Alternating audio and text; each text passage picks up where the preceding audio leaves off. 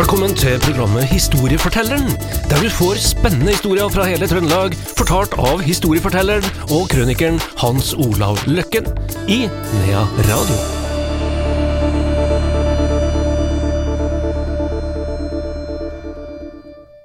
Historiefortelleren på plass igjen her i Nea Radio. Velkommen til vår historieforteller Hans Olav Løkken. Jo, takk. Du, i dag eh, skal vi snakke om eh, Det er ikke så ofte vi snakker om eh, fotografer og spesielle fotografi, men det skal vi gjøre i dag. Det skal vi gjøre. Eh, vi skal til Stjørdal, tro det eller ei, men vi skal til Stjørdal i dag òg. Og det er fordi at eh, det er en sak som jeg har holdt på med ganske mange år. Og jeg har dratt helt til USA for å treffe den denne familien. Og vi skal da til eh, første den, den fotografen som tok kroningsbildet av kong Haakon og dronning Maud da i 1906, som er den siste kroninga i Norge. Og det bildet, ja, det er så kjent, og de her kongebildene som vi vokste opp med når jeg gikk på folkeskolen, som det het, og framhaldsskolen og overalt, de har jeg vokst opp med, og de har hengt på skolen, og de har hengt eh, i kommunestyresalen, ja, de har hengt overalt. da. Nå er det jo en, eh, Harald og Sonja som henger overalt, selvfølgelig, og det er jo, det er jo logikk i det. Men de kroningsbildene vokser jo jeg opp med, nei, og, og, det var de eneste bildene omtrent som sto i historieboka òg, og sånn, og, og eh, etter hvert forsvant de, og uh, nå ser du dem på utedoer i Selbu og på Dovre og Lesja, og der er jeg godt på utedo, så der henger de jo, og det har jeg jo også tenkt på, men det er en forklaring på det òg, skjønner du, fordi at uh, bildene er veldig bra, eh, sånn, og, og, og pynter litt opp i gåseøynene. Det var de eneste bildene du hadde, og som du kunne rive ut av et ukeblad. Og da hengte de opp der det, for å få kanskje litt uh, annen stemning da, på do, da, for å si det sånn.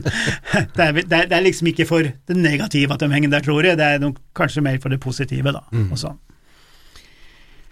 Men uh, litt interessant å se på kroninga i 1906, da. Og uh, når jeg driver med disse amerikanerne, da, der, har, der, der, der er det noe spesielt, skjønner du. For når jeg guider amerikanere, som vi gjør veldig mange ganger, mange familier i løpet av en sommer. Jeg har det med en tre dagers tid, har fast program og opplegg og sånn. Og slutter med Nidarosdomen. Altså, vi er først på gårdene, der de kommer fra, oppe i Selbu og Tydalen og, og, og Gauldalen og Stjørdal og Meråker, og det er det, det er det primære, det er derfor de har kommet, for å finne sine røtter, osv., osv. Men så må du jo ha noe med kjøtt på beinet, da, og du må ha en tur i Trondheim, da. Og de ligger i Trondheim, enda jeg sier de skal ligge andre plasser, da, for de må jo dra til Trondheim og hente dem for å dra til Hegra. Ja, så sånn er jo livet blitt, da. Men de der, når vi er på Nidarosdomen, den skal vi selvfølgelig se. Men så sier jeg, kjøp med, ta heller den billetten som også gir til kronregaliene, som ligger da nede i kjelleren i Erke, Erkebispegården der, ikke sant? Det er ikke så veldig mange, mange som er interessert i, altså. Nei, det er, det er noen. Men, eh, og jeg har vært med dem ned der. Ja, de liksom, ja, jo, det er jo fint, men de skjønner liksom ikke historien bak det der, da. Her. Og da Håkon og dronning Maud skulle bli krona, så var det en del motstand i 1906. De mente at, uh, at den tiden var forbi av uh, befolkningen. Det står skrevet litt om dette der, om at Nei, det var kanskje litt motstand den gangen nå. Og da kong Olav i gåseøyne skulle krones, så ble det selvfølgelig ingen kroning. Det ble det vi kaller en signing. Så han får da ikke krona plassert. Han kong Haakon, han fikk jo krona, septeret og hele pakka eh, satt av statsministeren i lag med bisp, eh, biskopen i Nidaros. De tok krona i lag. Og så kom vel han eh, Aktander, da, eh, statsråden, og, og septer og. Det var veldig sånn seremoni. Eh, det får du ikke under signing. Der får du bare en slags kan vi si, kirkelig velsignelse da, fra biskopen i Nidaros. da. Eh, og når Harald kom, da, i 91, så var det også bare signing. Det som er litt interessant med de her tre tingene her, da, som skjer i, i, i nesten i vår levetid, i gåsehudene, da, er at i 1906 så skjer det den 22. juni, som er en fredag. I 1958 så skjer det den 22. juni, altså samme dato. Det er da på en lørdag, men det er samme dato. I 1991 så skjer det den 23. juni, og som er på en søndag. Da stilte jeg spørsmål, ja, men hvorfor kunne ikke det være 22. da, da, på en lørdag? Det var jo lørdag men kong Olav, men på kong Harald og Sonja så ble det altså søndag, og flytt med én dag. Historisk sett så har det vært litt sånn mer systemati i det hvis det har vært 22. juni, 22. juni og 22. juni. Men der ble det litt forandring, da. Ja, så når han eh, han, eh, han Håkon da, og dronning Maud ble krona, så var det en egen kroningsfotograf. Og sånt er det i og for seg i dag òg, eh, med de store kongelige familier og sånn. Det blir altså firmaer som kommer inn og som har en jobb å gjøre, da, kan du si. Jeg tror de hadde sine egne hoffotografer en gang i tiden òg, det tror jeg sikkert engelskmenn har, hvis, hvis jeg kjenner dem rett, da. Men da skal vi til Re gård, som er den tredje største gården på Stjørdal. Ligger oppi, oppi, oppi hellinga der, da, når du kjører ut fra Stjørdal mot Hegra. da. Du ser nesten ikke noe der, for han er skjult i, i noen trær og sånn. da. Den storgården du ser som ligger der med fine, store bygninger og sånn, det er Mælegård. da. Men eh, Regård, der kommer det inn en fyr eh, som het eh, Peder Clarisius. Han het Clarisius, men det er ofte mange som sier Clarentius, da, men han heter Clarisius. Da, men. Han kommer inn og kjøper denne gården, da. Og han er da sønn til en som heter Peder O. Aune, som kom fra Rindalen. Kom fra Rindalen, drar til byen. Nå er vi altså, Han er født i 1799, så vi må gå tilbake. Drar til byen og går i kompaniselskap med D.F. Lyng. Ok, hvem er D.F. Lyng? Nei, det er ikke mange som vet, men jeg vet det. Det er altså oldefar til statsminister Jon Lyng, og da blir han også oldefar til Kon-Tiki Thor Heyerdahl. For der er det nå. Det er ikke så mange som vet. Så er det det at han herre Peder O. Aune, som bygges jo opp i lag med han herre Lyng, og gjør det veldig godt. Han, Peder Aune her, han mister kona og gifter seg på nytt med Solli, inn i Solli-familien. De får ei datter som heter Eli Aune, gifter seg med Bernhard Brenne, som var statsråd under unionsoppløsningen i 1905, og hadde som oppdrag å dra til København og hente prins Carl han som altså ble vår konge Håkon 7. Og tar jeg ikke for mye feil, så er det også i den familien vår såkalte utenriksminister Brende stammer fra. Og han satt vel som utenriksminister her for noen år siden. Ja. Så igjen, det krysser noen spor. Når du leter etter én ting, så får du med noen sidegrener. Så han Peder O. Aune, da, som har gjort det bra, han gir penger til sønnen sin, som en Peder Gloriøs Aune, som kjøper Egor og blir en foregangsmann i hele Norge når det gjelder norsk raufe. Han er på store utstillinger i Skottland og på kontinentet. Han driver stort når det gjelder avl, og han bygger opp en mønsterbruk, som før eller senere gikk konk, da. Det er en annen historie. Han gjør det veldig godt. Han får også en del barn selvfølgelig, bor på Stjørdal, på Re gård. Og det er to av de jeg skal nå prate litt om. Og disse her ungene, flere av dem, utvandrer til Amerika.